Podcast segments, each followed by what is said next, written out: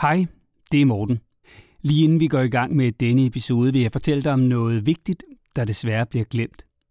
For lige nu haver den værste sult- og tørkekatastrofe i 40 år landene på Afrikas horn, og 2 millioner børn risikerer at dø af sult.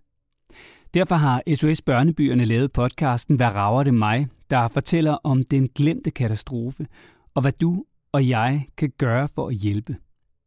Og en hjælp kan faktisk være bare at tale med vores børn om, hvad der sker på Afrikas horn.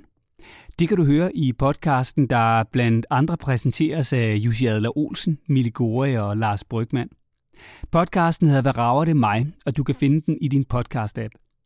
Jeg håber, du vil give den et lyt. Den er umådeligt tankevækkende, særligt som forældre. Søg efter, hvad rager det mig? Det her er en podcast fra Go Little.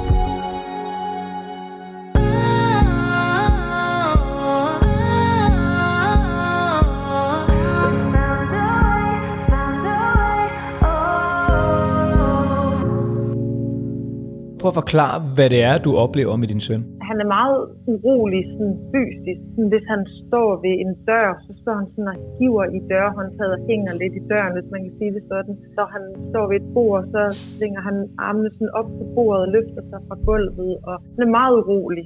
Du slutter denne her med at sige, jeg savner at være glad, og jeg savner min søde, glade og kærlige dreng. Og jeg skal så love dig, at jeg gør alt, hvad jeg kan nu for, at du og han kommer tilbage øh, til det, som du har som mål. Ikke? Men øh, jeg skal sige, at øh, jeg provokerer rigtig meget nu, fordi at øh, jeg synes, at børns barndom er kommet på overarbejde.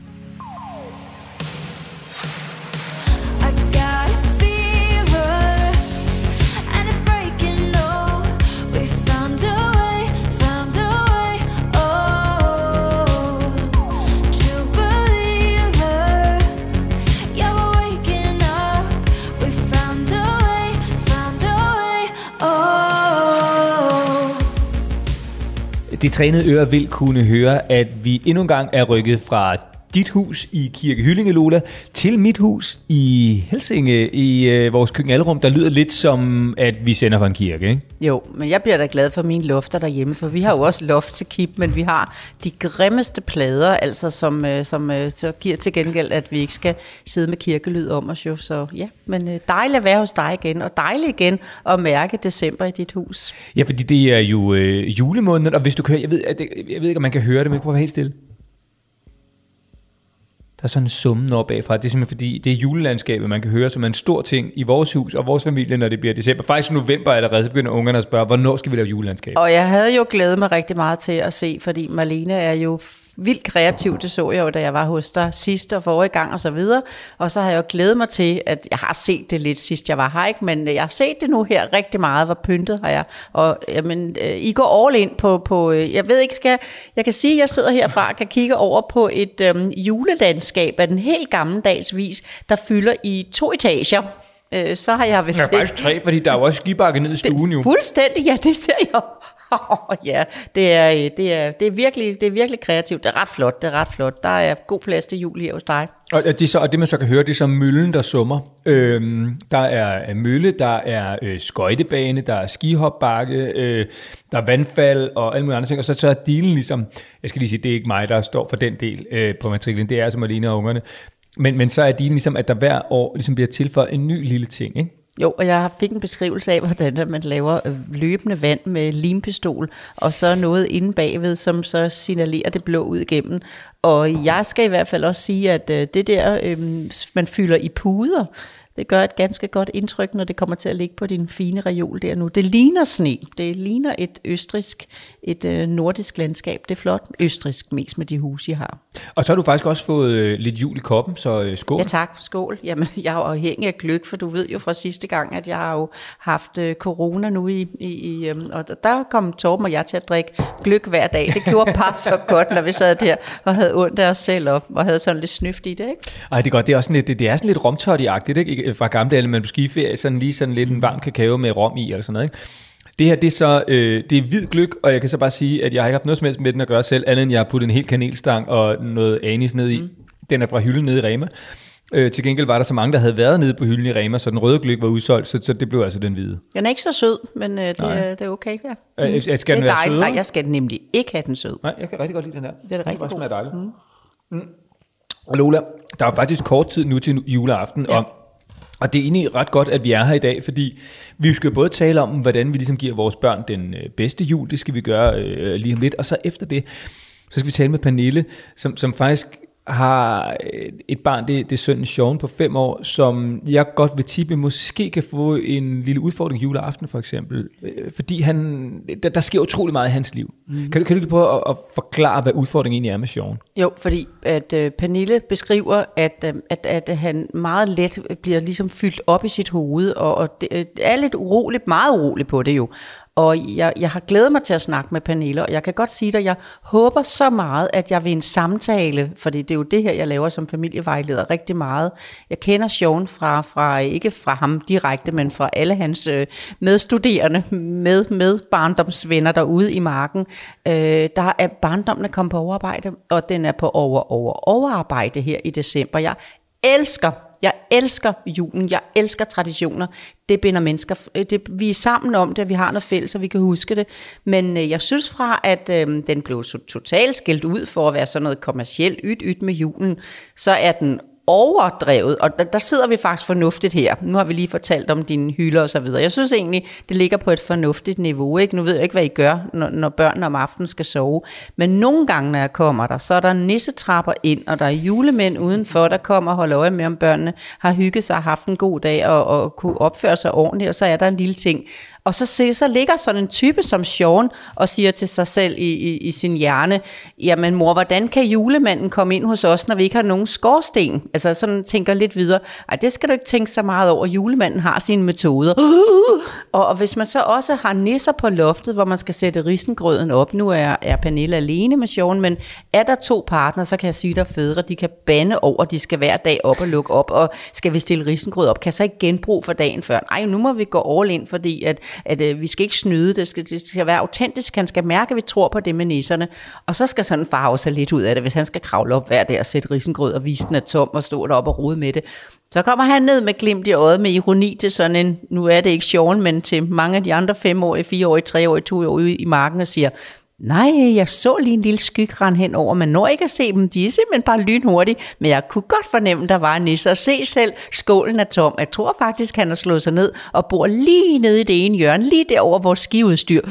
Så tænker sådan et barn på 4-5 år, det er lige over mit værelse. Så hvis du forestiller dig, nisserne på loftet, der spiser risengrøden, bor lige op over værelset, og julemanden og nissetrapper, der går ind, og hvis man så også har en stor søster oveni på det andet værelse, der har en rokketand, hvor vinduet skal stå på klem, så tandfen kan komme ind og tage tanden, så kniber det faktisk rigtig meget med alt det, der er i dag af læringsplaner og overarbejde, stile og alt det, man skal og testes, og man skal også holde til julen med alt, hvad der hører til. 4-6 kalender og gaver og festivitas og alt for meget sødt nogle gange. Der er meget, der er rigtig meget. Så jeg elsker julen, jeg elsker barndommen. Jeg vil gerne lige nu sidde og være advokat for, at der skal også være, det skal være, så børnene kan følge med. Og jeg kan sige så meget, at vores nisse er flyttet i år. Den, den flyttede faktisk sidste år. Øh, både, både fordi det var måske sådan lidt... Altså, vi havde faktisk en nisse op på loftet. Eller, vi stillede risengrød op øh, på loftet en gang imellem. Øh, og, øh, og så... Ja, det, gik, det, det fungerede egentlig ret fint. Det synes de var hyggeligt om. Men jeg vil gerne medgive dig det der med Sofia. Hun kunne ikke så godt lide at gå derop. Nej. Og hun var sådan lidt, åh oh, nej, du ved, hun skulle have en med og sådan noget. Og, men, men, men Og, og du ved nemlig ikke, om hun i maj måned faktisk ligger og roder med noget inde på værelset, Nej. som har tilknytning til nissen.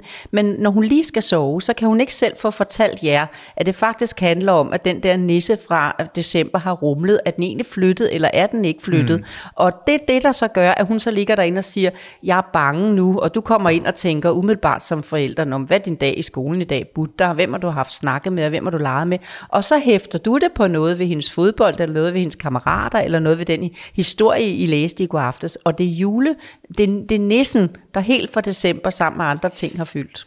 Ja, og, Jeg, og, jeg synes, der er meget fyld i børns hjerner i dag. Små entréer, der skal rumme alt det, der kommer ind. Og det er i hvert fald det, jeg tror, Pernille har en dreng, som tager det hele til sig. Øh, lad os lige vende helt konkret juleaften lige om lidt. Jeg vil bare sige, vores, vi, er simpelthen med at skrive et brev øh, fra nissen øh, til børnene, at nu, og det kan jeg godt høre nu, det var måske også en fejl. Men altså, det, det var faktisk meget sjovt. Så med snørklet nisseskrift, øh, at nu er nissen flyttet over til Uras øh, over på den anden side af gaden. Øhm, så, Ja, du havde fået en kommentar på det, hvis, jeg, hvis du havde spurgt mig inden. Hvad, Lula, hvad siger du til denne her? ja, men det, det, det, altså det, det vi, vi, vi synes, jeg tror alle egentlig synes, det var meget sjovt. Men nu bor han Kom altså, han bor derovre, øh, og det kører egentlig fint. Så øh, det er bare fordi, vi kunne simpelthen ikke overskue det der med, at, at hver øh, morgen var det sådan noget med, at så har nissen lagt noget i sokken, og så nej, det er mor og far, der har det. Ja. Øh, så det skulle vi ligesom øh, have men, men omvendt havde vi jo ligesom også bygget en fortælling om, at, om, at det var nissen, der kom med dem, så vi kunne ikke sige, at øh, nej, det var løgn, eller sådan. Så vi, var, vi endte med at sige, at nissen han, skriver, han har skrevet et brev, det ligger op på loftet, tak for alt, øh, grød, det er skønt, nu flytter jeg, øh, nu kan I klare jer selv, det, det er I øh, stor nok til, og nu vil mor og far komme med gaver fremover. Og nu er han så også ugers, eller en eller anden på vejen, ikke? Nå, Lola, Og julemanden, jeg havde jo håbet, der var nogen, der skrev, hvad skal jeg gøre, fordi jeg har et barn på ni, der stadigvæk tror på julemanden og bliver drillet omkring det, når, når hun er i skole, når han er i skole. Men det, det spørgsmål fik vi ikke. Jeg synes, julemanden den skal ligge i midten, når man siger til børnene, de spørger, findes julemanden? Det er det, der er så dejligt ved julen. Den er fuld af magi, eventyr og mange sjove historier, og deraf er der så også en julemand med i historien. Så har du ikke sagt ja eller nej, det er bare en eller anden onkel, der er klædt ud, eller ja, det kan du tro. Men læg dig i midten, for så kan børnene selv øh, ligesom opdage det lige så stille, frem for den der total nedtur, når de bliver skuffet, når de opdager, at det bare var onklen, der var klædt ud, og man var ni år gammel, og man føler sig så totalt snydt. Det har jeg altså mødt. Så sidder nogen og tænker nu, ah Lola, det skal børn da også tåle. Ja, men i dag, hvor de skal holde til så meget andet, jeg tror simpelthen, det er det, at øh, vi skal snakke med Pernille om, at Sjong skal holde til rigtig mange ting. lige inden vi ringer til øh, Pernille, det skal vi gøre lige om lidt, så, så lad os bare lige hurtigt runde juleaften. Hvordan får vi den bedste dag, sådan at børnene de kommer igennem den, uden at smelte fuldkommen ned, når klokken den er 15.30? De skal være over 5-6 år, før de skal være klar over, at der er gaver på matriklen. Dem skal du simpelthen have gemt for dem. Altså, de skal være helt ude af øje, ude af sind. Og så lad være med at lægge dem under juletræet, før du kan mærke, at børnene er så store, så de magter og se, de ligger derhenne. Så hvis det er 2, 3, 4, 5-årige, 6-årige, nogle gange nogle 7-årige drenge, har jeg også mødt 8-9, så lad være med at lægge dem ind, før det er. Og så lad dem have til nattøj på hele dagen. Lad fjernsynet køre med, med de der tegnefilm. Sæt en masse robotsmadder hen, så de sådan i lindstrøm har, bare de kan bare spise. Fordi hvis du står og steger, så glemmer du tiden og glemmer deres maver, og hvis alting bliver så spændende, så er der ikke plads til noget. Men sidder de med belægning på tænderne, med dyner og med at køre en tegnefilm hen på fjernsynet, og du stiller bare noget lækkert hen, som er rigtig sundt for dem, så øh, tåler de juleaften. Og så lad være at bruge ironi. Det er sådan en far ting. Hvad tror du nu? Det er ligesom sidste år. Jeg tror, er det din gave, vi har gemt? Glemt den? Har vi glemt den? Det, der? det tåler de ikke ret godt. Noteret? Jo, 11 plus. Godt. Øh, det er noteret, og øh, så vil vi bare ønske alle en, en glædelig jul, og så bare lige komme med en opfordring til dig. Hvis du øh, har et spørgsmål til podcasten her til Lola, så skal du bare sende det til lola og morten Altså lola og morten Så kan det være, at det er dig, vi ringer til, ligesom vi nu skal ringe til Pernille, så hun kan få et godt råd til at øh, give Sean noget ro i livet.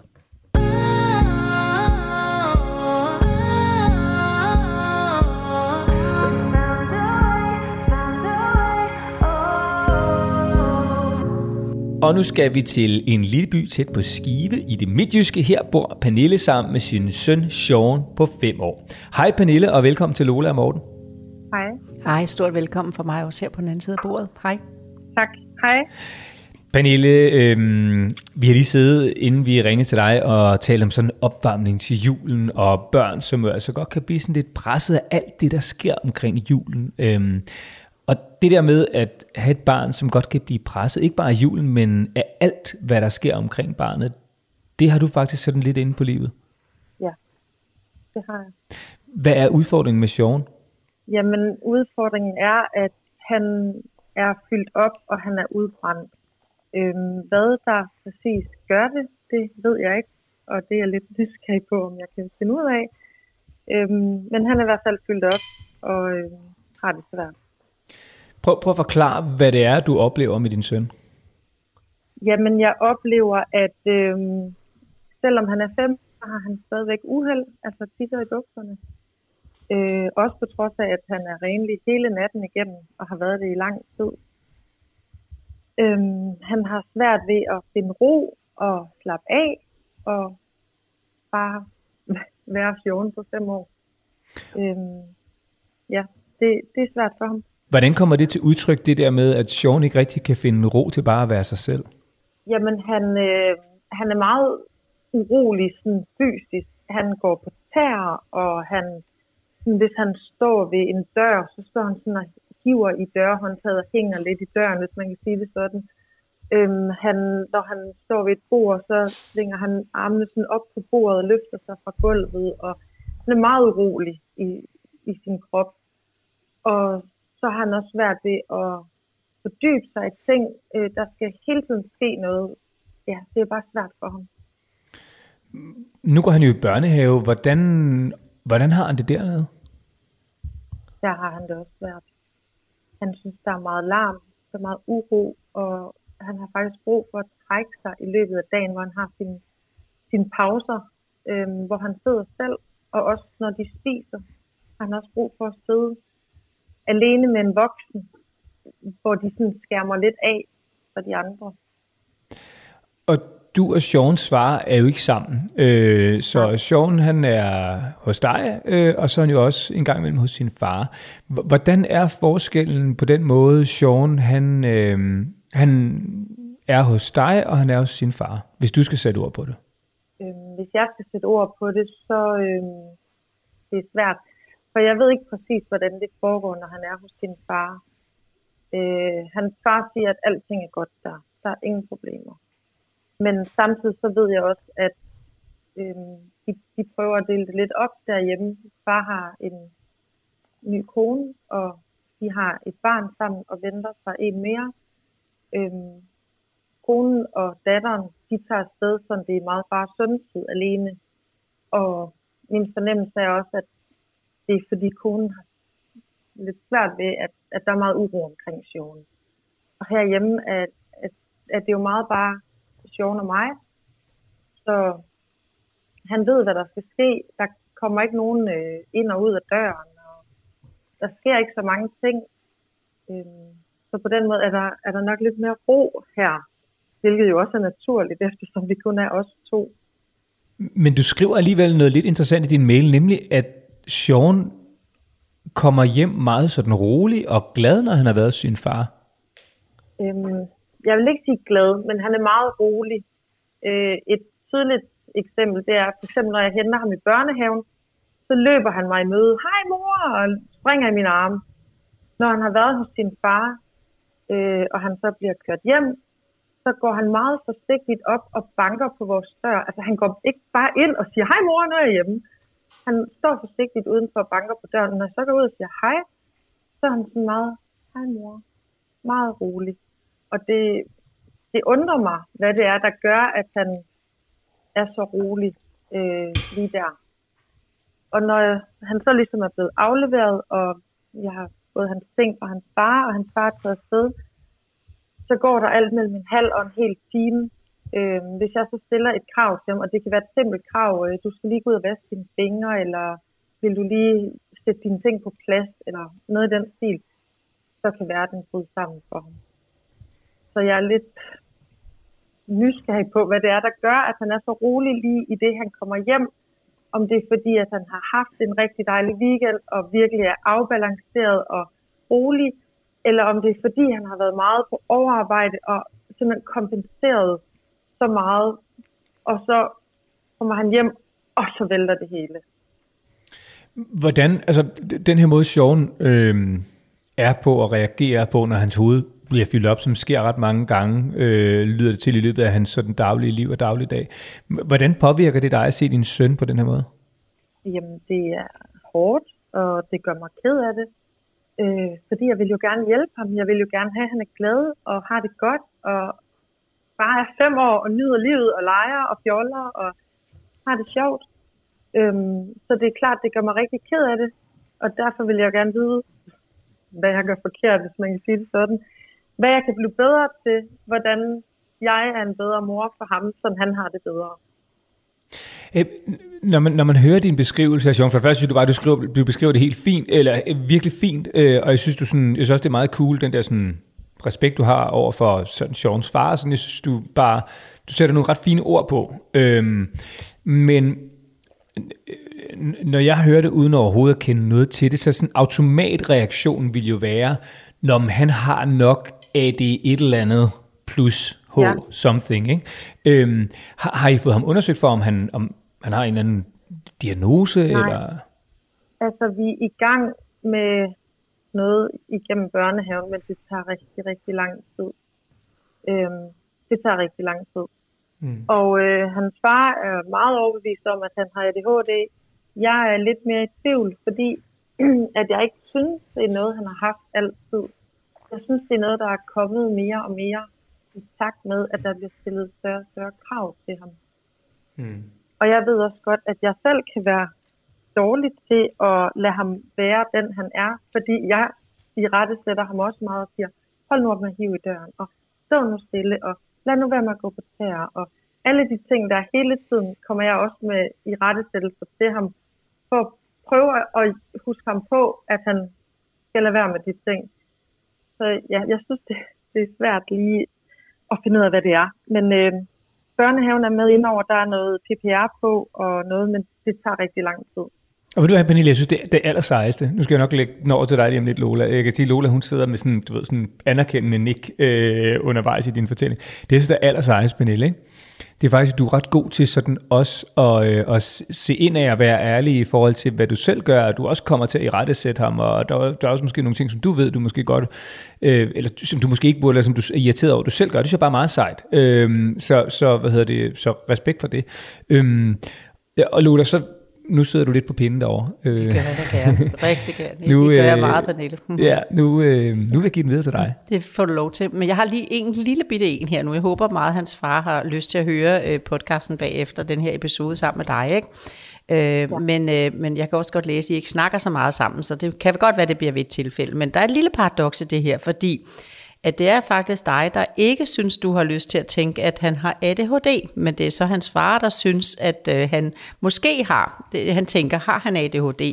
Men det så fortæller du så, at det er hans far, der ikke synes, der er noget, når han er jo sammen, men alligevel synes, der kan være ADHD. Øh, kan du fornemme mit paradoks i det? Ja, det kan jeg godt. Hvor kan det komme af, tænker du? Ja, det ved jeg ikke. Min fornemmelse er, og det er ikke fordi, jeg skal tale grimt om hans far, men min fornemmelse er, at hos far er det vigtigt, at alting ser godt ud udad til. Og der er ingen problemer, og jeg ved jo også, at når min søn er hos sin far, så kan de finde på at købe det rigtige tøj i gåsøjne, fordi det er det, han skal gå i. Og så er det det, de klæder ham om i, når han er der, og når han så kommer hjem, så får han sit almindelige tøj på.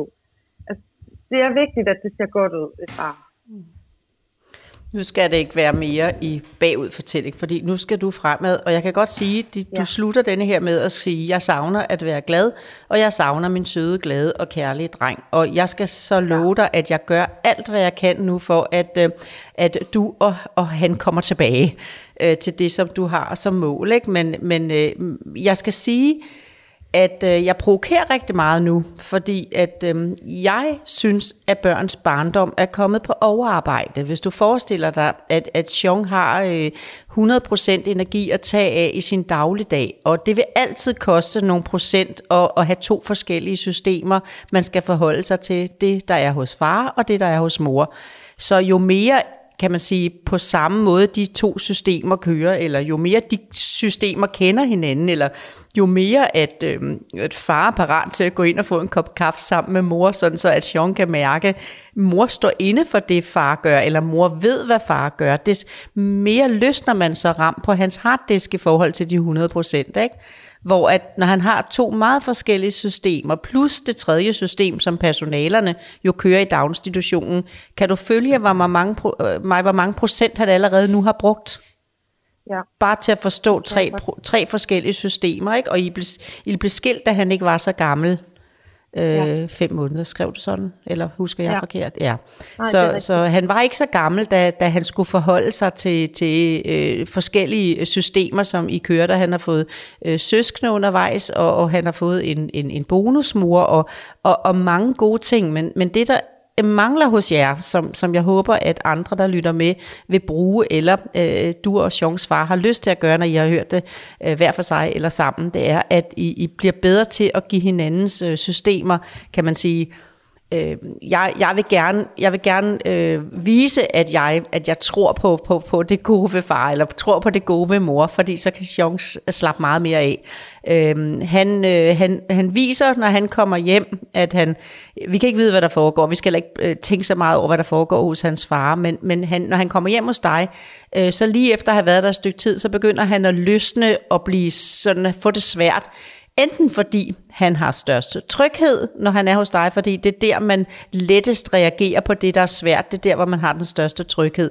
Eller, og det tror jeg altså det, at øh, jeg skal sige til dig, at han kan mærke, at der er en usikkerhed, når han kommer hjem hos dig, i forhold til den, han er.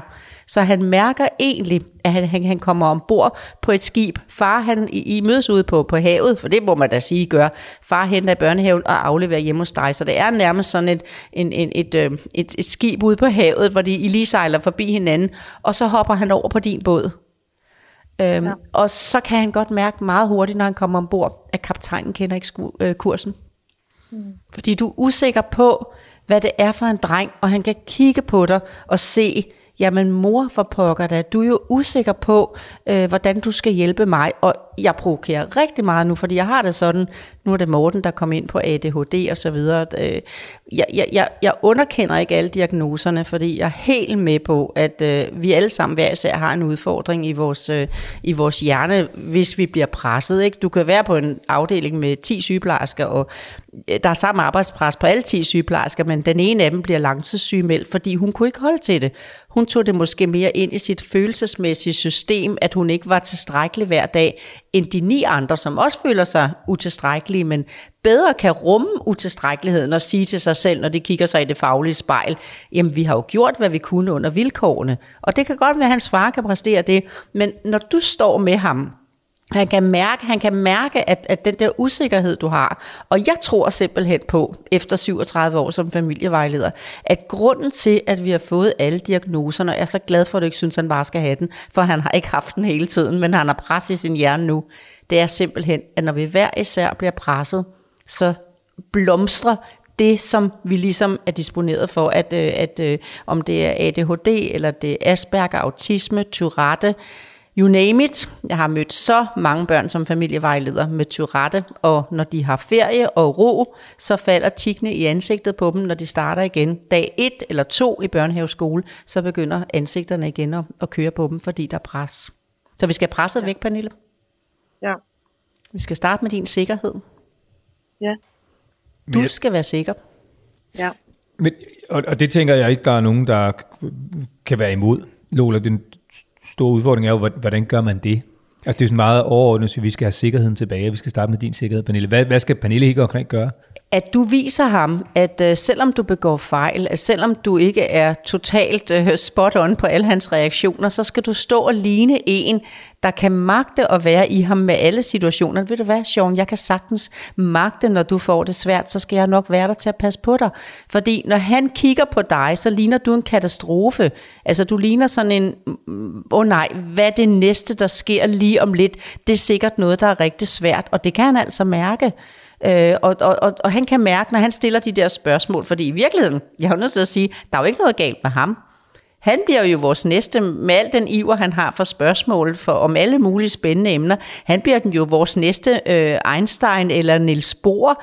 Øh, og, og hvis han var født for en eller to generationer siden, så har han bare fået lov til at køre sit, øh, sin kloge spørgsmål videre. Men i dag, når han har overarbejdet sin hjerne, når han bliver dippende. Fordi de der børn, der har sådan lidt, nu sidder jeg her, jeg ved ikke om, om Morten kan beskrive mig, men det der med hele tiden at have sådan nogle kuglepen ting og så videre, hvor skal jeg gøre al min uro, hvor skal jeg gøre 18, det er bare så typisk for et barn som ham, som har sådan alt, han har så meget, han, han ikke forstår, han så gerne vil, og så kanaliserer han det ud i de her gode spørgsmål, og havde han været for en generation siden, så havde han bare fået et svar. Eller også havde han fået at vide på den gode måde, som jeg rigtig godt kan lide, også at sige højt nu, at hvis børn spørger fire år gamle, hvorfor er græs grønt, så er det egentlig okay at svare, at den farve fik græs. Men der sker bare ja. det med generationen i dag, Nej, hvad skal jeg gøre? Hvad skal jeg svare? Skal jeg lige gå ind og google mig frem til, om det er lyset, der gør det? Er det noget H2O, eller er det noget... hvor Det, det, den der, ja, det, del, det må han have en forklaring på. Ej, han skal, slet ikke, han skal slet ikke spørge om de her ting. Han skal bare være en dreng på fem år. Hvad skal jeg gøre for at bare få en glad dreng, der leger? Hvor han for en generation siden bare havde fået et lille kort svar. Enten det er fordi kort og enkelt, så han kunne være i det, eller, ved du hvad, det er fordi den farve fik græs. Giver det mening? Ja, det gør det. Din uro skal jeg præstere at gøre dig, altså den skal væk, og du skal være sikker. Og du må hellere være, som jeg siger til så mange familier, 60-70 procent okay, Pernille. Og de sidste 30-40 procent, du præsterer, det er noget frygteligt skrammel. Men lige nu får han 10-20 procent af din ubetingede kærlighed. Den giver du ham hver dag, det kan jeg mærke. Og det er et rigtig godt fundament. Men du skal bare være mere okay med din egen fiaskoer. Du skal sige, Nå, okay, så gør vi det bedre næste gang. Eller, altså, jamen, så ved du hvad, øh, Jean, den, den, øh, den vil jeg slet ikke begynde at, at gå ind i nu, fordi den bliver bare rigtig kikset for os. Altså, at du viser ham, at du har en begrænsning, for du kun er menneske. Du er alene hver dag. Du har ikke nogen at spare med, og nu lige nu har du mig, og jeg skal nå op til en lille by uden for Skive gennem telefonen. Og jeg ved, Pernille, at det kan jeg, for du er en skøn mor for din søn. Men du er tænksom og usikker og føler, at du har et barn, du ikke forstår. Og Pernille, det kan han mærke. Det er ikke ham, det er tiden. Giver det mening? Ja, Var han født for en generation eller to siden? Han havde i, i, i helt gamle dage bare gået rundt i landsbyen og været, øh, by, været byens øh, kloge hoved. men jeg synes jo, jeg giver ham korte, præcise svar, når han spørger om noget. Men du har en usikkerhed. Ja, Kæmpe usikkerhed. Og det er ikke så nemt at sejle sammen med, øh, i skibet med en kaptajn, der ikke kender kursen. nej. Men Lola, det, det er jo nu, det bliver rigtig svært, fordi mm. det store spørgsmål er jo, hvordan får vi gjort det her sådan meget overordnet med, at Pernille skal være mere sikker og skal vise, at hun har kaptajn på skuden og alt det der. Hvordan får vi gjort det helt konkret, så Pernille ved, når Sean, er Sean hos dig i den her uge, øh, Pernille? Ja, han bor fast ved mig. Okay, øh, så når Sean kommer hjem fra børnehave senere i dag, hva- hvad er det, ja. Pernille helt præcist skal gøre? Hvad skal hun gøre i dag? Hvad skal Pernille gøre i morgen? Hvad skal Pernille gøre om en uge? En fuldstændig fast struktur hver dag, så han godt ved, hvad han skal, når han kommer ind ad døren, og det afviger overhovedet ikke det, er det vi skal nu. Og du må meget gerne lave det i sådan nogle, kan man sige, bidder. Og det er meget interessant, at han er renlig om natten, men ikke om dagen. Og altså, almindeligvis plejer det at være dagen, der kommer først, men han har slet ikke engang tid til at mærke, at det der med at blive renlig sidder jo ikke i hjernen, eller i, i, i, i lukkemusklerne, det sidder i hjernen. Og det er nogle, et center, der sender besked om, at nu skal du ud på toilettet. Han har så meget overarbejde om dagen i sit hjerne, sin hjerne, han kan ikke mærke sig. Når han begynder at mærke, når han kommer hjem til sin mor om eftermiddagen, så har hun gjort det der æble, og det æble hver dag, fordi så ved han bare, at det er bare et æble, det står ikke til diskussion, og det er ikke engang noget problem, for der er ikke andet i frugtskålen, eller i, i kassen inde i køleskabet. I har æbler, og I har mandariner. Så kan han ikke have meget mere, vel? Og så laver du en lille skål, og du sætter dig med armen om ham hen i sofaen, og der sidder du så og hygger, og så ser I den samme film hver dag, og det må meget gerne være noget, hvor, hvor han ikke skal tage stilling til, hvad der foregår, og det må meget gerne være lidt under hans niveau, så han overhovedet ikke skal arbejde i sin hjerne, så I sidder simpelthen og ser Postman Per. Og så siger han jo, mor, det er kedeligt at se Postman Per. Ja, det er det måske, men det er hyggeligt at sidde med dig så har han, han ved, hvad Postman Per eller Rasmus Klump eller Peter Bedal har gang i, for han har set afsnittene rigtig mange gange. Hvis han sætter sig med en tablet og ser noget nyt på YouTube, eller finder nogle nye ting, så skal hans hjerne tage stilling oven i alt det, han, han har set til i forvejen. Øh, så når, når han så rejser sig og begynder at dippe på tæerne, så bliver du bare siddende i sofaen og siger, lige nu sidder jeg og ser Peter Pedal.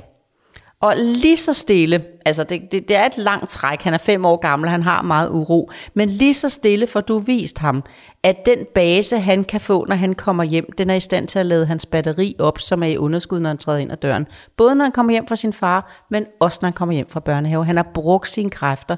Derfor har han svært ved at, altså han, han kan jo ikke holde alle impulserne ude fra sin hjerne, også hvis han har ADHD, så ryger alle impulserne jo ind i hjernen. Men jeg vil bare så gerne, Pernille, jeg låner dig lige nu, hjælpe alle de her børn. Det er ikke dem, det er barndommen, der er på overarbejde. Hvis vi kan give dem så meget ro, så de kan magte at være i hverdagen, så behøver de ikke at komme på overarbejde. Hvis alle madkasserne bare er fire halve basis madpakke, sådan helt roligt. Så alle bliver helt rolige ved at spise, fordi de har ikke noget festivitas i de andre madkasser, så jeg skal bare spise min mad. Hvis at ikke de andre har hul om hej i forhold til, at de kommer ind ad døren om morgenen, en har kakaomælk med, en har nøglerne med til huset, for at, jamen, så tror jeg, at han er sikker på, at jeg henter ham igen, fordi han ved, at jeg kan ikke komme ind uden at hente ham.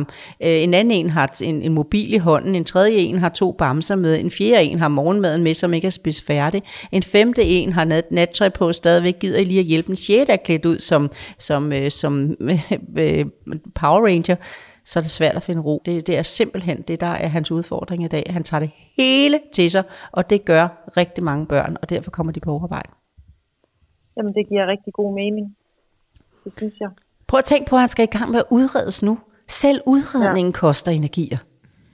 Ja. Så skal han pludselig afsted midt i børnehavetiden, eller ind og snakke med en anden personal, og ingen, der hører det her nu, skal føle, at jeg underkender, at systemet vil hjælpe ham. Og du kan sidde og tænke, de er alt for langsomme om at gøre det, Lola, og nu synes du lige pludselig, øh, når det du fortæller, at øh, altså, at jeg, at jeg giver, at, at for pokker, men han kommer på mere overarbejde. Han skal lære en ny, et nyt menneske at kende, som han skal sidde sammen med, mens de andre ude på legepladsen fortsætter deres leg. Så når han har siddet til udredning en time, eller to, eller tre, eller altså en gang tre timer i løbet af en uge, eller 14 dage, så har de andre fortsat deres leg ude på legepladsen, så når han kommer ud, er han bagud. Ligesom hvis man kommer klokken halv ti hver dag, når de andre har lavet legerelationerne. Det er der jo også mange børn, der gør. Altså hvis man ikke er med fra morgenstund, jeg skal ikke, man skal ikke komme klokken syv, men man skal komme inden, at legerelationerne er helt låst fast, for ellers kommer man på overarbejde for at komme ind i, i, i relationen så er det godt at komme ind klokken 9. Alle de steder er han på overarbejde i dag. Han kan ikke læse øh, børnenes, øh, øh, altså deres øh, samvær derude, fordi han er ikke med i optrinet. Han kommer først pludselig, når det alt sammen er ligesom låst fast. Hvordan skal han komme ind i en leg? Og så stiller han sig på tæerne, fordi det gør børn jo nemt, når, eller står og dipper i døråbningen eller får klovnerollen, når han kommer i skole, fordi på den måde, så kan han nu holde ud og sidde i en klasse med uro, når han skal starte til sommer. Så sidder han og laver nogle lyde. Jeg kender ham. Jeg har mødt ham så rigtig meget. Der er én vej til at få alt det her væk, det er ved at give ham ro. Han skal også skærmes rigtig meget, men han skal også mærke, at han er bare normal. Det er omgivelserne, der er pres på, og det skal hjælpes ned. Og det er også politikerne. Det er også personaler. Det er alle steder. De gør, alene det, de hjælper ham og forstår ham, han sidder med et, et menneske. Men mens han sidder med en personale for at blive skærmet, så sker der noget ved de andre borgere, som han jo føler, han går glip af. Sådan så når han så bliver lukket ud af afskærmningen, så er han lidt mere på overarbejde, fordi han har ikke forstået det, de andre har sat i gang. For de har jo siddet og lavet nogle aftaler om, at de skal ud og tage to månebiler, eller skal ud og spille noget fodbold, eller skal ud bag ved den ene vold, der er ude i børnehavens legeplads. Men det ved han ikke, for han sad alene med personale, så når, han, når de sender ham ud, er han på over overarbejde, fordi han ikke var med. Ej, Pernille, jeg føler allermest, at jeg lige låner dig lige nu til at, at fortælle om, om børns vilkår øh, i dag. Fald, at du er inde på noget der, at det er ikke uheld, og det er ikke noget med, altså hvis han skal have et belønningssystem ind i hjernen, så er det jo også en gæst i hans entré. Han Ja, skal bare det- være sjov. Han skal bare tisse bukserne, når han ikke har overskud, og så skal han have hjælp til at få en, øh, et par tørre bukser. Det der, det finder vi to ud af. Han skal føle sig rigtig. Han trænger bare til at være et rigtigt barn, der er okay for sine omgivelser. Prøv at tænke på, at han går og dipper på tæerne, fordi om lidt kommer der en konflikt eller nedsmeltning, som jeg ikke har nogen problemer med at kalde det. Eller han skal lige nu passe på, for om lidt så kommer han nok til at tisse og gøre sin mor skuffet eller sin far. Om lidt så kommer han til, om lidt så kommer han til at være urolig, mens han spiser med de andre børn, så han bliver til en ulejlighed, så han kommer hen og sidder alene med en voksen, selvom han gerne vil sidde med de andre. Om lidt kommer han til. Kan du mærke det på vejen af ham? Jamen, det kan jeg, og det er jo lige præcis det, jeg også synes, at han hele tiden bliver gjort forkert. Han, han vil ikke fortælle sin far, hvis han tisser i bukserne, så det kommer han hjem til mig og siger, mor, i går tisser jeg i bukserne hjemme med far. Ja, pyt med det, det er vask. Præcis. Så gemmer han sine underbukser alle mulige steder hos øh, sin far, ja. eller tager dem med hjem i posen til dig. Han skal bare, altså, Prøv at høre her, vi har siden 60'erne gjort alt, hvad vi kunne for at løsne den barndom, så børn bare får fred til barndommen. Jeg er så ked af på børns vegne i dag, at de har aldrig nogensinde været så meget sat i kasser, som de er nu. Hvad fik vi ud af at slippe dem løs? Der var mere frihed til at være den, man var dengang, at du var barn, og Morten var barn, altså øh, hvor vi kunne få alle mulige skæve personligheder, og mange af dem lever af det i dag. Den type personligheder får vi ikke i fremtiden, hvis det her ikke snart stopper. Jeg kan huske, der var et barn engang, jeg kom hos som familievejleder, og det kunne have været sjovt. Total man til, for jeg har mødt rigtig mange af ham, ikke? Jeg har bare ikke skulle hjælpe til sikkerhed gennem telefonen, der har været der som familievejleder. Og der kan jeg bare sige, jeg sagde, du bliver da engang stand-up komiker. Så ringede forældrene en dag og sagde til mig, Lola, du skal høre radio i aften, fordi vores, jeg hilser jer lige derude, når I hører det her nu bagefter, fordi vores øh, søn er med i en konkurrence, og han er en blandt et eller andet antal, og han vandt, som jeg husker det, konkurrencen og blev junior stand-up komiker i Danmarks Radio en fredag mellem kl. 17 og 17.30 på en eller anden øh, landskanal. Er det ikke fantastisk? Jo. Og det er sjovt i fremtiden, hvis han får lov ja. Til at bare være den han er, og den styrke han har, og den intelligens at han har, og han behøver ikke at skal gøres øh, undersøges i alle mulige retninger, sådan som det skal han blive nødt til på et tidspunkt, hvis ikke han får ro. Det er klart, det skal du ikke høre mig sige. Han er bare kun fem år. Pernille, nu har du fået rigtig meget inspiration og, og rigtig meget information ind også øh, i hovedet, så, så nu tror jeg også, vi er der, hvor vi ligesom skal sige, at nu, øh, nu får der ikke skal, ligesom, ske kortslutning op i dit hoved, så skal Ja. du i hvert fald til at måske øh, tage det, og så prøve at kondensere det ned til noget helt konkret brugbart, øh, når Sean han kommer hjem her, få lavet det schema, få sat hverdagen endnu mere i systemet, end den er øh, måske allerede, få sørget for, at I får set den der tegnefilm, også selvom det ikke er et hit de første syv gange, bliv ved, bliv ved, bliv ved, det kommer til at tage tid, siger Lola, også fordi den er fem år, og så skal du sørge for at få den der sikkerhed fra iPad'en ind i alt, hvad du siger til Sean, og når han så bliver ked af det, får en nedsmeltning, eller hvad man skal kalde det, bare bliv siddende inde på hans værelse, bare leg, bare vær der, bare vis dig, at du elsker ham og er sikker, og det er sådan, det er lige nu. Smil af din fejl, for dem vil du komme til at begå. Du er kun et menneske. Og så undskyld, sådan skulle jeg ikke have sagt det. Nu skal du høre, sådan her skal jeg hellere sige det. Ja. Og, og så tror jeg, Pernille, så øh, gør vi jo det samme, som øh, vi gør med alle andre her i podcasten. Vi ringer jo til dig. Øh, Tror du, jeg kan godt sige dig, at vi ringer, Pernille, for jeg glæder mig så meget til at Ja. høre om din sikkerhed. Om to-tre måneder, så begynder den at være der. Ja. men det, det er altså to-tre måneder, men vi taler om her, Pernille. Det, det bliver det hårde seje træk, men prøv lige at se det på den lange bane. Ikke? Altså to-tre måneder for et sikkert og godt liv, det er jo ingenting. Ja. Nej, det er ingenting. Den skal lige vendes. Så kommer der fortsat udfordringer, men øhm, den skal lige vendes nu. Det, havnen, sikkerheden, den skal lige være der. Så skal du se, hvor han Ja. kan sejle i optimistjold og alt muligt. Ja. Pernille, kan vi, kan vi slippe dig med altså, noget mere sikkerhed i kroppen nu? Eller føler du dig Ja. sådan helt forvirret? Nej, jeg, øh, jeg tror, jeg er ret godt på vej nu. Ah, om ikke andet bare bekræftet i, at du, at du er inde på noget af det rigtige. Det synes jeg, du skal høre mest. I dine tanker i hvert fald. Så skal handlingen med. Ja. Ja. Pernille, vi glæder os helt vildt meget til at snakke med dig igen, og tro nu på det, og du er alene om det, og det er mega svært at kræve noget alt muligt andet, men, men du, du lyder virkelig som en fantastisk mor. Det skal du også bare vide. Det er ikke bare noget, jeg siger. Det sagde jeg så også, inden du begyndte sådan rigtig at, at, at forklare, inden vi havde den her lange snak. Ikke? I handlingen står du alene. I dine tanker skal du vide, at vi er med dig. Rigtig meget da. Det er godt at vide. Ja. Pernille, vi glæder os mega meget til at tale med dig igen. Tro på det, og bare den der sikkerhed, også når det er allermest svært. Bare bliv ved med at holde fast i den. Kan du nå til jul og ønske dig en t-shirt, hvor der står noget tekst på, som du hver dag kan se, når du kigger dig i spejlet og tænker... Øh, Bare skriv det ud på spejlet. Bare et skriv, eller at jeg andet. er ja, det kan du mor. gøre. Ja, det har Hilsen vi Lola og Morten. Ja, lige præcis. Ja, sådan et eller andet. Så sæt det op ude på spejlet. Du. Sådan. Så hver gang, at det hele det ramler, så gå ud og kigge på det spejl. Der kan du sætte et billede op af os to, og så skal du bare skrive en talebold, hvor står, du er en skidegod mor, Pernille. Ja, sådan. Sådan noget må du godt gøre. Ja. Yes. Ja. Det er godt. Pernille, pas rigtig godt på dig selv, Meget. og øh, husk nu, du er en god mor. Og glædelig jul. Tak. Hej hej. Hej hej. Hej.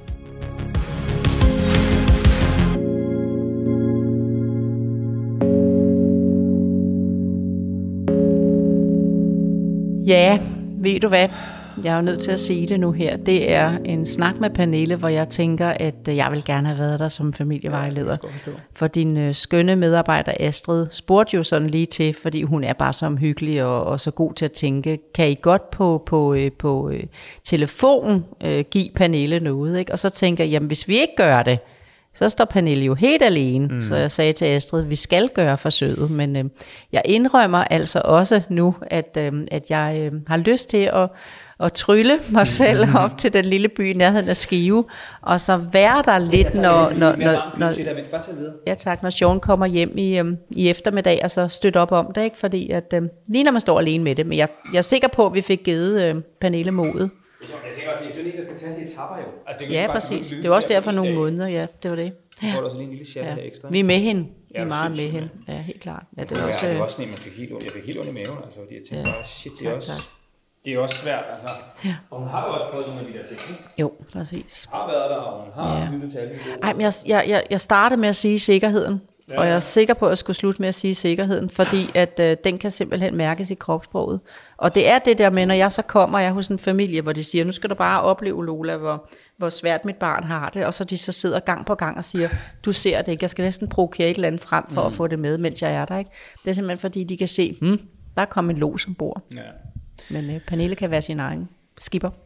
Du, du skal også lige have lidt skål. Nu er den altså blevet lidt sød, fordi den sådan, har stået lidt på varmen derovre, lidt mm. den her gløk, ikke? så det må Ja. du lige øh, håndtere. Jeg tænker også, du skal have lidt af styrke på efter alt det snak. Det var god råd.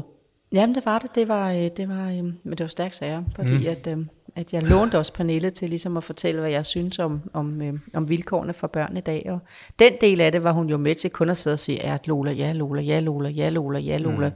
Og det skal hun jo ikke blive træt af. Hun skal jo Nej, få nej. energi af at høre det, ikke? Men hvis de rette hører det derude, så håber jeg også, de er med på at tænke, vi skal give barndommen nogle andre vilkår. Der skal mere fred tilbage til barndommen. Hvis du har et spørgsmål ligesom Pernille, det behøver ikke være et lige så stort spørgsmål. Det må det meget gerne være. Det kan også være et mindre spørgsmål. Det kan handle om noget helt lavpraktisk. Øh, ja, tandbørstning, som jeg nævnte. Eller det kan være teenageudfordringer. Eller det kan også være problemer i parforholdet. Eller bare, Eller sådan. bare en bekræftelse af at være god nok. Ja, Hvis du har brug for at klappe på skulderen, du, Ja, så ringer du sgu også bare, der skriver Ja. til os. Du kan sende din mail til lola og morten